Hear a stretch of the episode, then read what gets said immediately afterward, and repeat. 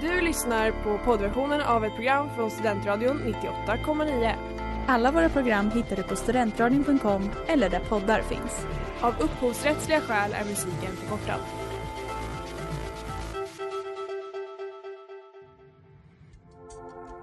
Letar ni efter någon som verkligen kan hudvård?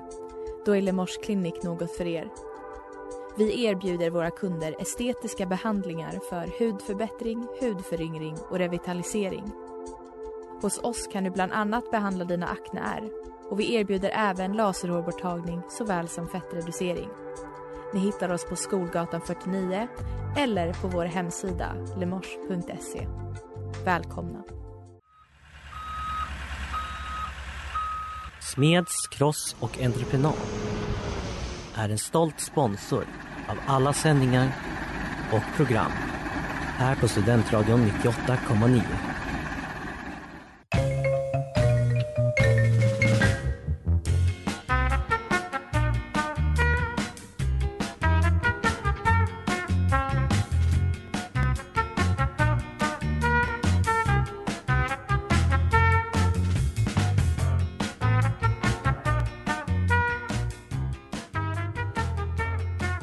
God dag och välkomna till Sportfånigt här på Studentradion 98,9.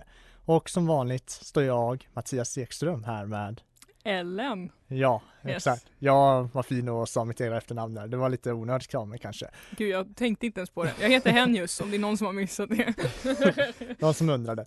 Ehm, men ja, vi står ju här på eh, Studentradions eh, alldeles egna sportprogram där vi pratar om, ja, roliga sporter tycker vi då åtminstone. Ja, ja, definitivt. Och idag, ja idag blir det lite speciellt för vi har, kommer ha två sporter idag faktiskt. Yes. Vi, Det- har, eh, vi har ju ett, ett vinter slash skidtema idag. Ja, och ja, vi kommer ju gå in på det mer sen då, men eh, lång historia kort så kommer det vara lite av en, eh, inte tävling, men ändå liksom Ellen har valt en skidsport hon tycker är konstig.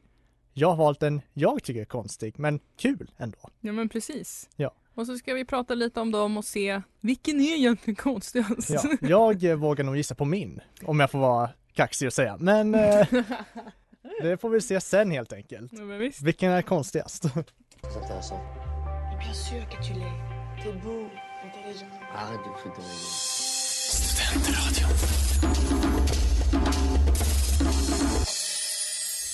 där hörde vi Space Cowboy med No Rome.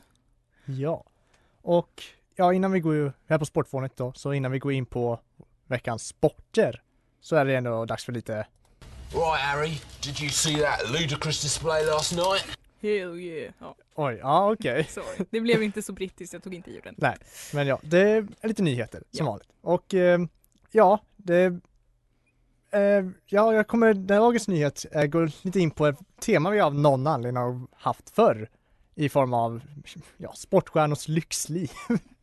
Det är inte konstigt Mattias, det konstiga är lyxlivet. Ja, ja. Det är det Nej, men som är alltså, det är det som är kul. Jag tycker Mm. att det är kul att vi tar upp det. Det har varit ett återkommande. Men den här gången så, eh, nu i veckan så har det liksom kommit fram att eh, Form 1-stjärnan Lewis Hamilton, ifall du vet vem det är.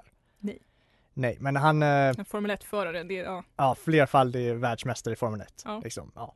Bra som Eh. Messi fast Väldigt rik också, kan tilläggas. Han säljer, han säljer sin eh, lägenhet i New York.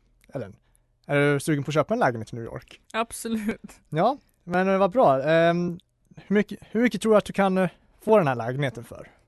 Uh, Okej, världsmästare i Formel 1. Ja, Uh, 10 Hur mycket kostar den? 10 miljoner. eh, kronor. Du la ett kraftigt underbud för eh, den eh, priset är satt på 37 miljoner pund. Pund! Ja, ja, cirka 447 miljoner kronor alltså. Det finns det ens en lägenhet som är värda så mycket pengar? Ja, ja, hans lägenhet i Lon- eh, New York. Men alltså what? Roliga är att han har inte ens flyttat in i den.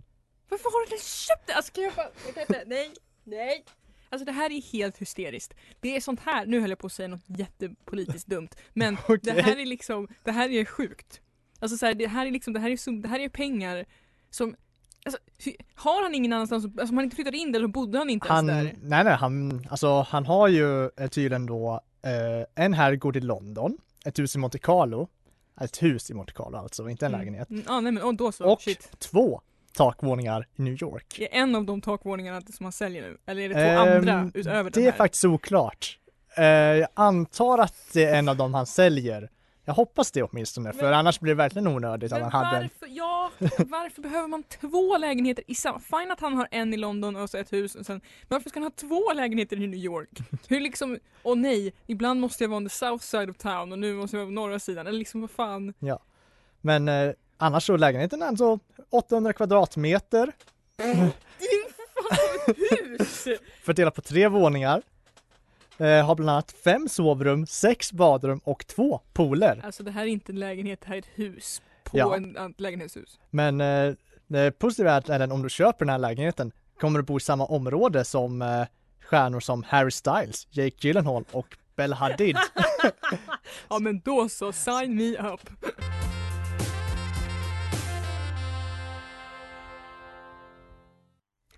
Sarah Joe av Alex Cameron. Och här på Sportvånigt är det dags för vårt som vanligt favoritsegmentet. Som, ja, där är det. In case you haven't noticed, I'm weird. I'm a weirdo. Exakt. Det är nu veckans sporter blir det ju då. Exakt. Men eh, du kommer ju få börja då Ellen med din, eh, ja, din skidsport du har bestämt dig för är konstigast Precis. av dem alla. nu kommer ni få se varför Mattias valde att formulera det där på det sättet. Att jag tycker, det är nämligen för att den sporten jag har valt är skidskytte. Och nu tänker många, vadå det är inte alls konstigt. Det är för att ni har sett på den här sporten så mycket att den är en del av vårt vardagsliv. Fast när man tänker efter så är det en ganska skum sport. Om jag liksom så. Ehm, Mm. och den, den, ja men alltså jag kommer till det. Den går ju ut på att man åker längdskidor. Och sen så stannar man ibland och skjuter på, ett, på en måltavla. Det är det som sporten är. Ja. Eh, Mattias ser så, så här misstänksam ut. Ehm, ja, och det är en sport som från början då så var det en eh, en militär, vad ska man säga, det var något som man gjorde använde i Ja, Norge en som en mil- militärövning eller som en... Den så kallad militärsport skulle jag säga. Lite likt eh, femkamp. Ja men det var inte så det började. Nej men alltså, Nej men det, det, ja absolut, det är det det har blivit. Men nu går vi in på liksom att eh, sporten, eh, liksom den första kända tävlingen i Norge ägde rum då sjut- 1767. Så det är en gammal sport, men i sin moderna sportform så har den ju inte blivit liksom värdet, vä- vedertagen i världen förrän på 50-talet då det Mm. första världsmästerskapet arrangerades. För män, men för kvinnor så var det ja just det. på 80-talet. Och det här Det är- tog ett tag för den, den sporten. Jo tack, det, för jag tänkte ju också som lite naivt att det här är en sport som är liksom män och kvinnor kör lika. Men det är inte det. Nej. För kvinnornas lopp är alltid kortare än männens. Ja, ehm, har lite dålig koll på exakt hur mycket, brukar inte vara typ, i längdskidor brukar ju ofta vara typ 5 kilometer eller något sånt. Mm. Ja. Precis, det är ganska mycket. Ja, är det samma här? Jag har faktiskt, jag måste Ja. säga att eh, jag har ganska bra koll på längdskidor då, men skidskyttet har jag alltid haft lite sämre koll på. Ja, men det beror lite på, de hade ju lite olika stilar. Alltså så det finns ju olika sätt att köra på och då beroende på vilket så var det lite olika. Men jag tror att ett lopp till exempel om männen kör 15 så kör kvinnorna 12,5 eller 11 eller Mm. något sånt där. Så det är ändå liksom också de här de små kilometerna jag känner att hur kan det spela roll? I alla fall. det var inte det som var det viktiga. Utan det Okej. viktiga med den här sporten är Vad är det viktiga då eller? Ja, men det viktiga med den här sporten är ju också att det är en, det är en obskyr liksom, militärövningssport i Norge. Som ingen gör, utför. Och sen så blir den mer och mer populär i Skandinavien. Eh, och under liksom, tidigare delen av 1900-talet så börjar den ändå etableras liksom, runt Norden. Och sen som sagt internationellt på 50-talet. Eh, och den utförs ju framförallt av länder som där det finns snö. Okej, säga- ja jo det brukar vara som med de flesta skidsporter Ja. faktiskt, av någon outgrundlig Mm. anledning. Ja men precis, så att det är ändå liksom Sverige och Tyskland och Ryssland och sådär. Och det var, Sovjetunionen var en av de första landen förutom Sverige som faktiskt tog sig an skidskyttet. Men det jag tycker är skumt med det är ju just att du åker längdskidor i ett race och sen stannar du och skjuter ett vapen på ett mål. Det finns ju typ inga skjut, alltså så här, vapensporter Alltså, i Sverige ja. som, är så här, som är så himla populära som just skidskytte. Jag tycker bara att det är en udda kombination. Och du säger nej, men det är bara för att du har växt upp med det Mattias. Du förstår inte hur sjukt det är egentligen. Liksom, Alltså, det är en jättekonstig kombo. Det är en jättekonstig kombo. Det är ingen är som det tänker, verkligen? ja men det är ju som att man skulle köra, vet du vad vi har ett lopp och sen mitt i loppet så stannar vi och skjuter lite och sen så springer vi vidare. Man gör det. Men vadå gör det? Ja, i eh, modern femkamp. Vänta lite, vänta lite. Ja, Det här är ju helt bisarrt. Du hör ju hur det låter. Eller vadå? Men alltså jag förstår inte. Jag kan inte tycka att det är sinnessjukt. Det är säkert jätteroligt. Men det är lite bisarrt. Det var bara vad att säga. Det är en sportform som är udda och jag tycker att den sticker ut för vanligtvis handlar det ju om, alltså så här tänker jag, att man antingen att man skjuter eller att man springer, inte att man gör både två eller åker skidor då. Alltså det är också lite det som är tjusningen med sporten, att man gör både och. Ja, men tjusning, det är Ja. fortfarande lite bisarrt. Ja, men för det är en helt annan utmaning. Ja, absolut, men det är fortfarande en konstig utmaning. Mm. Ja, eller? Alltså, Alltså, okej, det har ju- vad? Jag, har ingen, jag har inte en chans att vinna mot liksom vad det nu är, Alltså, det 22 ska inte- år erfarenhet av att titta på det här och tycka att det är roligt men liksom Alltså, grejen är att det ska inte vara en argument här egentligen till att jag säger att du har ett fel, men samtidigt så jag, som de som ändå tror jag inte tycker att det här är så konstig sport så är det ju en alltså, det har ju en, det är ju, jag vet inte vad man ska förklara men jag tänker liksom tillbaks på att överlag i militär sammanhang, vilket ofta i, jag vet inte ifall det faktiskt är så i skidskytte, men exempelvis med modern femkampen är det så att det har ju sitt ursprung i gamla militärtraditioner. Och där är det liksom ganska logiskt att försöka, alltså om vi tänker på finska vinterkriget, var det jätteanvändbart för militären att kunna åka skidor och avfyra gevär.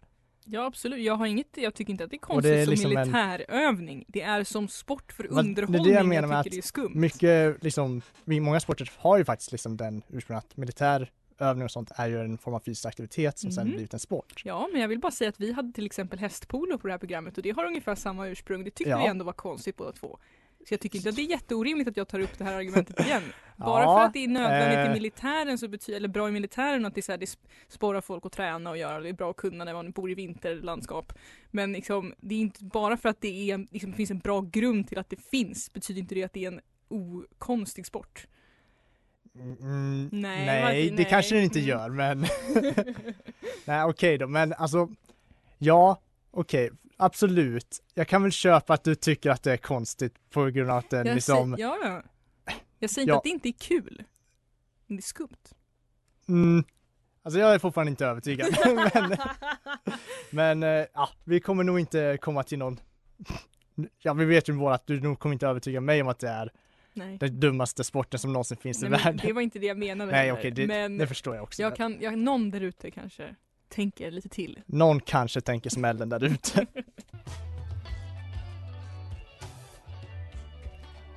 Och där hör vi Balcony av TV Room som också är veckans singel här på Studentradion 98,9 och ni lyssnar på Sportfånigt med mig Ellen. Och mig Mattias. Precis.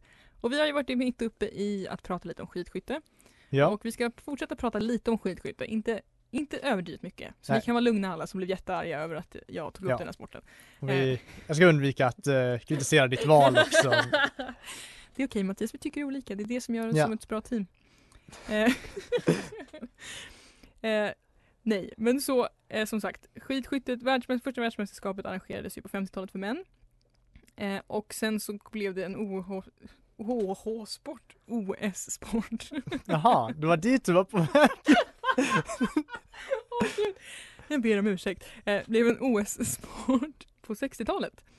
Eller en olympisk idrott, vad det nu, som Ja. det nu kallas. Som ni märker, sportlingot på mig är lite sådär. Ehm, och det, anledningen till att det dröjde så länge efter att det ändå hade etablerats eh, så i världen var för att man inte internationellt kunde enas om reglerna. Det visste jag faktiskt inte. Fun fact. Eh, Så det är lite kul och det visar också att många har genom alla tider haft starka Ja. åsikter om det här. Så det är inte bara du och jag. Eh, I det här fallet tror jag dock det handlar mer om vad reglerna skulle vara dock. Jo, jo, men Ja, men det kan väl vara starka åsikter om Ja, ja, reglerna, jo, jo. uppenbarligen. Mattias, kom igen nu. Ja. Cut me some slack. Ja. Ehm, Har du några exempel på vad för regler de liksom diskuterade? Nej. Som kanske, nej okej. det framgick inte. Tänkte att man Av kunde få, källorna. få en liten bild av hur hade det kunnat vara, men, Ja, det hade kunnat, eh, det är en väldigt bra fråga, det vet jag faktiskt inte. Men jag menar, nej, men det, det är okej att du inte hittade det. tack. Bra, Tack, det känns bra. Ja, jag, jag förlåter dig. Tack så Nej, mycket. men fortsätt Ellen, fortsätt. Eh, nej men då är det också så att eh, jag hittade också en källa som sa att eh, för att stimulera skid och skytteintresset, det här är alltså citerat, i Sverige samt som ett uttryck för Sveriges försvarsvilja under andra världskriget instiftade Svenska Dagbladet 1940 skidskyttemärket med Mhm. devisen Frihetens värn som jag antar då är någon slags uppmaning till att träna och, och När, när instifterade de det här sa du? Eh, 1940 under andra världskriget. Ja, Frihetsvärn, ja, jo det är väl, jag skulle gissa på att det är en form av liksom tanke om att man ska träna för att göra sig jo, just det, man ska träna för att göra sig redo utifall att du ska dras ut i fält. Mm. Och då tycker jag att det är fullt Jag rimligt kan med det, ja, för jag kan säga att eh, jag vet faktiskt att eh, det var väldigt vanligt då för eh, jag skrev en B-uppsats på det här ämnet faktiskt lite grann. Om skidskytte. Nej, om, om allmän förberedelse inför Just det. värnplikt Just det. under andra världskriget. Så ja, ja det, jag vet att det är så. Men det är faktiskt ganska, då, för det kan jag tycka är helt rimligt. Då är det så här kul sätt att få folk att gå ut och sporta och Ja. också förbereda sig för krig. Ja, så skidskytte har ett syfte. Fortfarande konstigt. Men ändå Mm, ett syfte. Okej då.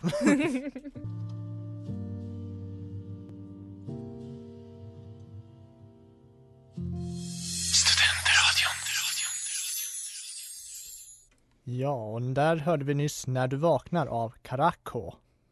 Eh, och ja, här på Sportfånigt så Ja, vi får nog gå vidare från skidskyttet nu då. För nu är det dags för mig att presentera en lite skum sport. In case you haven't noticed, I'm weird. I'm a weirdo. Ja, vi har ju redan kört den en gång men eftersom att det är en ny sport så är det värt att köra den jingeln igen tycker jag. Definitivt. För jag har tagit ut i, för dagens avsnitt då en betydligt, alltså det är ju en skidsport så det är ju på så sätt likt skidskyttet. Men annars har det inte mycket jäm, eh, vad heter det, mycket likt med det. Nämligen skidballett. Ooh, det har jag faktiskt aldrig hört om. Nej, det förvånar mig inte alls faktiskt. Eh, för jag upptäckte det för bara några veckor sedan. Ehm, men det är då en så kallad, eh, ja, en del av så här freestyle skidåkning om du vet vad det är. Ja. Ja, exakt. Det är liksom, det kan vara lite allt möjligt men det är oftast när man lite andra skidsporter när man gör lite, går ut på att man ska göra lite style tricks och sånt där. Och skidballett är egentligen lite som det låter, alltså det är att man utför en koreograferad dans komplett med hopp, liksom snurrar, eh, flippar, allt möjligt på skidor. Det låter lite som konståkning. Det är exakt som konståkning fast på skidor. Och det är det jag tycker faktiskt är så underbart med den här sporten faktiskt. Jag har blivit lite frälst de senaste dagarna när jag läst och tittat lite på det. Mm. Eh, Det utförs då liksom på en, ja för att förklara hur det ser ut så utförs det liksom på en, ja, jag vet inte exakt vad det är, jag tror det är i en liten, liten backe, alltså att Mm. det lutar lite grann. Men det är annars ganska platt Mm. och ser ut nästan att det kan vara ganska polerad liksom och tryckt eh, snö. Mm. Vet faktiskt inte om det är det, men eh, det ser ut som det. Det är väl rimligt om det är det. Ja, och så är det liksom att du har en person med skidor och stavar som typ glider omkring precis som de gör på konståkning. Ja. Liksom han eh, glider omkring, lite gör snurrar och ibland eh, kan de liksom, vissa av dem, de som är skickliga då, trycker liksom ner staven i backen och flippar över den med hela sin kropp. Fan vad coolt. Ja, det, är jätte, det var faktiskt förvånansvärt coolt ändå. Alltså man blir inte med för jag- skulle inte kunna Nej. göra allt det de gör. Men det känns också som att det måste vara svårare än konståkning i det att jag menar på is får du ju ändå en fart du kan behålla även om du står still. Om det är Ja. ganska plan backe i skidor måste det vara svårare att få den Ja, så farten. de, jag tror att de jobbar mycket med benen för att få upp farten faktiskt. Men roligt är också, jag läste att, eh, jag vet inte, jag hittade inte riktigt när den här sporten, eller vad man ska kalla grundades, men det var tydligen först vid typ 1970-talet som de började utföras till musik. Jaha, det var helt tyst innan. Det. Och eh, under en kort tid 1900, på 1980-talet fanns det också par skidballett. Nej men oj oj Ja. oj. Tyvärr verkar det inte som att det finns kvar. Eh, No! Attsingen.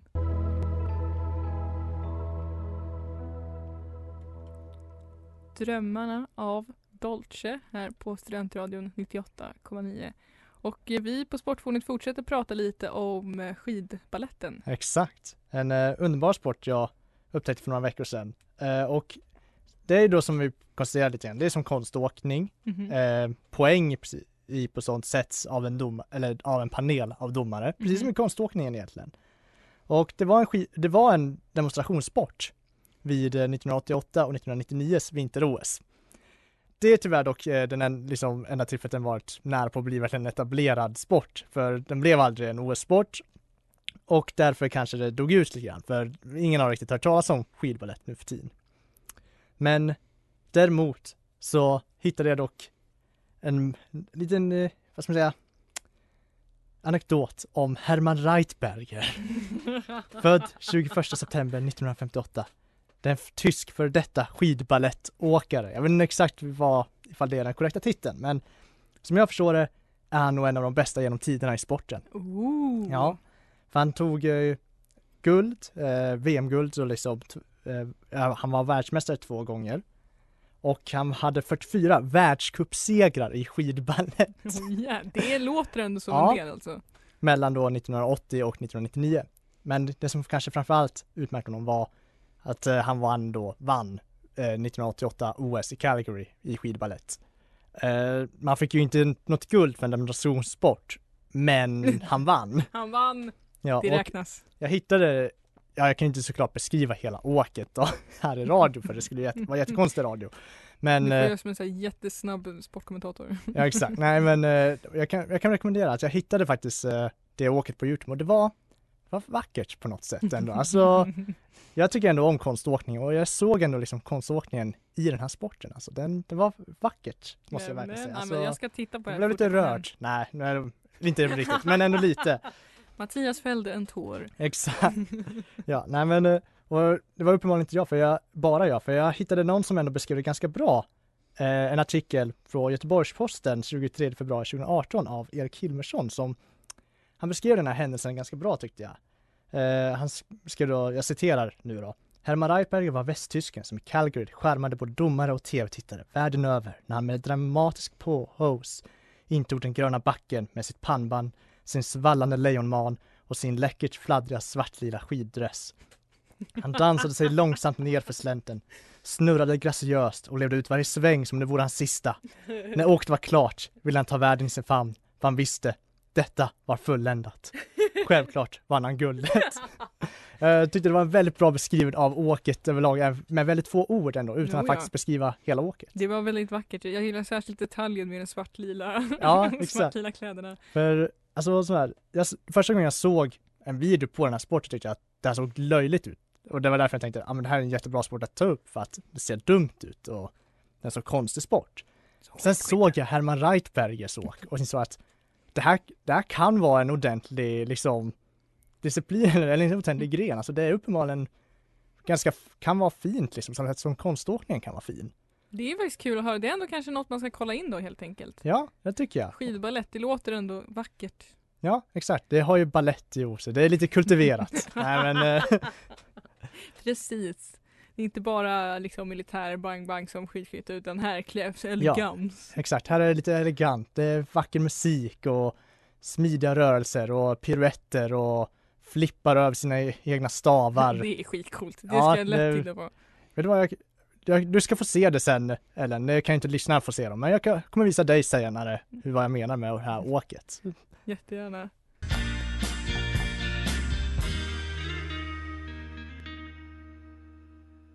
In the Blue av Magoon här på Studentradion 98,9 och här på Sportvånigt så äh, får vi nog sluta prata om just de här roliga sporterna nu ändå för vi måste ändå hinna med någonting mer och då är det dags för som vanligt en liten anekdot. Vindar i fotbollsnationen Kanonen från Dalom sparar ej på sitt krut Ja, fi, fint Ellen. Ja. Eh, det är inte fotboll det handlar om den här gången heller. Nej. Det är sällan det egentligen. Vi borde ju nästan ha en annan eh, jingel, men jag tycker om den ändå. Eh, hur som haver. Eh, idag tänkte jag prata om en liten annan underdog-historia. Jag har ju pratat om några underdogs här de senaste två tillfällena väl. Var Ja, det. Eagle och eh, Steven Bradbury. Och Ja. den här gången blir det en underdog-historia som jag var med och bevittna. Ja. Wow. Jag tänker nämligen tillbaks på skid-VM Falun 2015. Back in the day Exakt. alltså. Jag bodde i Falun då, för jag växte upp där. Och skid-VM, vi fick ledigt från skolan eh, för att gå på skid-VM faktiskt. Eh, true story. Och då var VM-kvalet var faktiskt gratis inträde på Ja. arenan. Ja, Va, vilken lyx! ja exakt. Det, och det, kvalet är då liksom till för de mer, mindre etablerade skidnationerna ska kunna Mm. ja, få åka en sväng typ och se om de kan kvala in till eh, huvudloppen då. Okej, Ja. vad snällt. Och där stod jag då med, kommer inte ihåg vilka jag gick med faktiskt, men några kompisar. Och då dyker det upp helt plötsligt två stycken indier. Mhm. Och de, ja, var, de börjar åka. Man tänker bara, vad fan, indier? Brukar det inte vara indier som åker? Det du... Nej, Nej. jag har aldrig sett en in, hade före den tillfällen aldrig sett någon från Indien och ja, Mm. delta i skid-VM. Det tänkte jag var inte deltagande i skid-VM eftersom de var i kvalet. Jo men tänk, typ. Och i alla ärlighet, alltså, de blev lite av en hit, skulle jag vilja säga. En sån lokal hit för eh, staden, men även i nationella nyheter ändå. Alltså, Mm. de, eh, ja, vad ska man säga, man var lite fascinerad över dem. För som, som du säger, det, man har ju aldrig hört talas om indier som liksom deltar med skidor överlag. Nej det känns som en väldigt så här, nordeuropeisk, nordamerikansk grej. Typ Kanada och så här. Ja men exakt. Och, och i all ärlighet, de, ja, de misslyckades tyvärr att kvala. Attans. Men de ska definitivt inte skämmas för det, för de klarade, eh, alltså de körde en mil då, ändå under 30 minuter båda två. Och det är ändå ett helt godkänt lopp, skulle jag säga. Jag tar ditt ord för det. Ja. men det var jättekul att de gjorde så bra ifrån sig då. Ja, det gillar ju vi det var- här, lite underdog success story. Ja exakt, det gör vi. Och jag tycker det var väldigt kul överlag att eh, jag var där och bevittnade Ja, det. Det var därför jag ville ta upp det när vi pratade om skidor.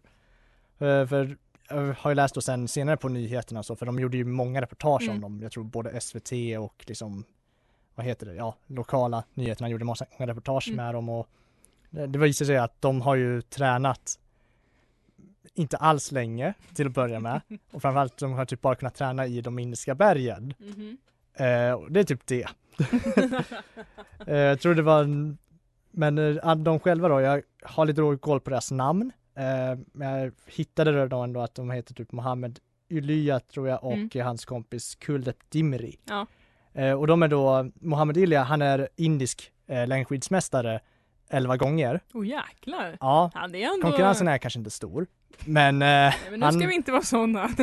och hans eh, kompis då, han eh, Di, Mm. Dimri, han är då näst bäst i Indien. det är ändå, det är ju ändå Ja. ganska kul då. Och de kom då i kvalet då, eller jag vet inte ifall det är kvalet, jag vet faktiskt inte exakt ifall det var kvalet eller bara hur de rankade där, men de kom då på sina tider 45 och 53. Mm. Så det blev ju som sagt inte en VM-plats för dem, men de var ändå där. Det var roligt, vad ja, kul. Så här, det, och det, jag tycker ändå att det är lite fint, man Mm. får se att det blir lite, det blir lite mer internationellt av Ja. längdskidsporten, även om de kanske inte de kanske inte direkt var eh, några guldkandidater och kommer nog kanske aldrig vara det heller om vi ska vara helt ärliga. Men det är ändå, Men de var där. jag menar, deras historia tycker jag ändå inte är så olik Eddie the Eagles på Nej, sätt och vis. verkligen inte. Jag menar, de kommer från ett land inte bekant med den här sporten. De på något sätt bestämmer sig ändå för att de ska vara med. Och de tar sig ändå till kvalet. Alltså okej, Mm. kvalet är väl typ mer med på att dyka upp. Kanske från, ifall det kommer från Indien. Men ändå, de kommer dit och ändå gör en helt okej insats även om de inte kvalar.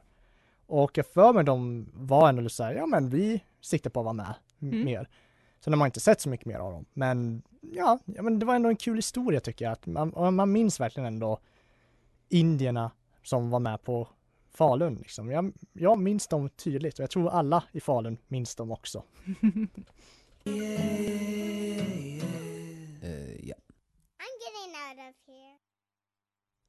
Och där hörde vi Hanging with Trees av TB Rex och Row här på Studentradion 98,9 och ni har lyssnat på Sportfånigt den här timmen. Ja, Denna fina fredagseftermiddag. ja exakt Ellen. Och eh, ja, vad ska man, hur ska man summera det här av, Eh, avsnittet eller kvällen? Eller kväll, det är inte ens kväll, det är eftermiddag. Det är eftermiddag. Nej, Men det känns som kväll. Det känns verkligen som kväll. Det är väldigt kvällskänsla. Men vi kan sammanfatta som att vi körde, vi har tagit två sporter idag. Ja, Två skidsporter, en väldigt etablerad och en mindre etablerad. Skidskytte och Det kan man säga.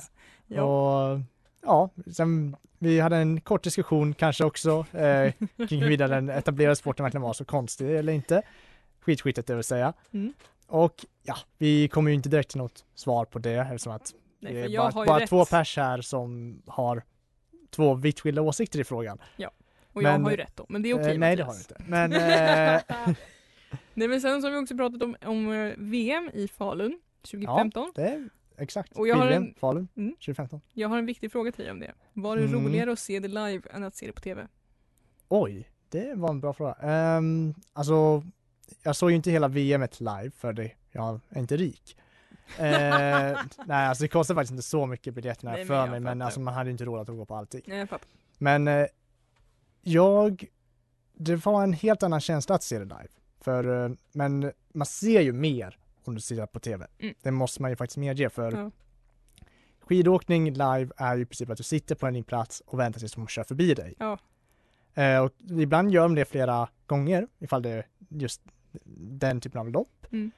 Men ja, däremellan så får du ju ändå liksom lov att titta på jumbotråden eller vad man ska Mm. kalla det för att liksom faktiskt se vad som händer.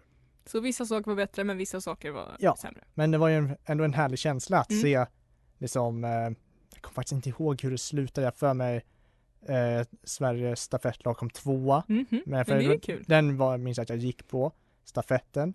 Och det var ändå, det var en härlig känsla att ändå vara där och se live och liksom heja i, Mm. inom i mål. För jag var ändå på, eh, vad ska man säga, arenan som är vid eh, upploppet. Ja. Så det var ändå en härlig känsla Mhm. som man inte alltid får i tv-soffan. Om man ibland får det också måste man medge. Men Ja men så det var lite blandat men det är ändå spännande för jag Ja. tänkte liksom det är kul att ha upplevt det i alla fall. Jo men det är det. Och eh, så man är ju glad för det. Och Mm. det var en härligt sportlov för det var ju det som Mm. de gjorde de i Falun. De flyttade om vårt sportlov så att det låg under VM-veckan så vi kunde ty- det är fint. Det var Ja fint. det var fint. Ehm, Applåd till Falu kommun för det. ja det tycker jag också de får, för, äh, ursäkta. Det tycker jag definitivt de ska ha. Yes. Men annars så, ja vad ska man säga. Det här har varit en trevlig ändå Mm. djupdykning i lite, ja i skidsport överlag. Ja. Men eh, i synnerhet skidballett om du frågar mig. Jag tyckte det var härligt. Mm. Eh, kom, kommer tyvärr nog inte kunna se det så ofta för det sänds ju inte direkt. Nej. Men eh, Men Youtube är vår vän. Youtube är vår vän så jag rekommenderar, titta på skidballett någon gång. Underbart sport faktiskt. Mhm. Men fram tills eh, nästa gång så får vi säga tack och Ja, Oj, tack. Ursäkta helg. för det där. Men ja, tack och adjö för oss och trevlig helg. Yes. Du har lyssnat på poddversionen av ett program från Studentradion 98,9. Alla våra program hittar du på studentradion.com eller där poddar finns. Och kom ihåg, att lyssna fritt är stort, att lyssna rätt är större.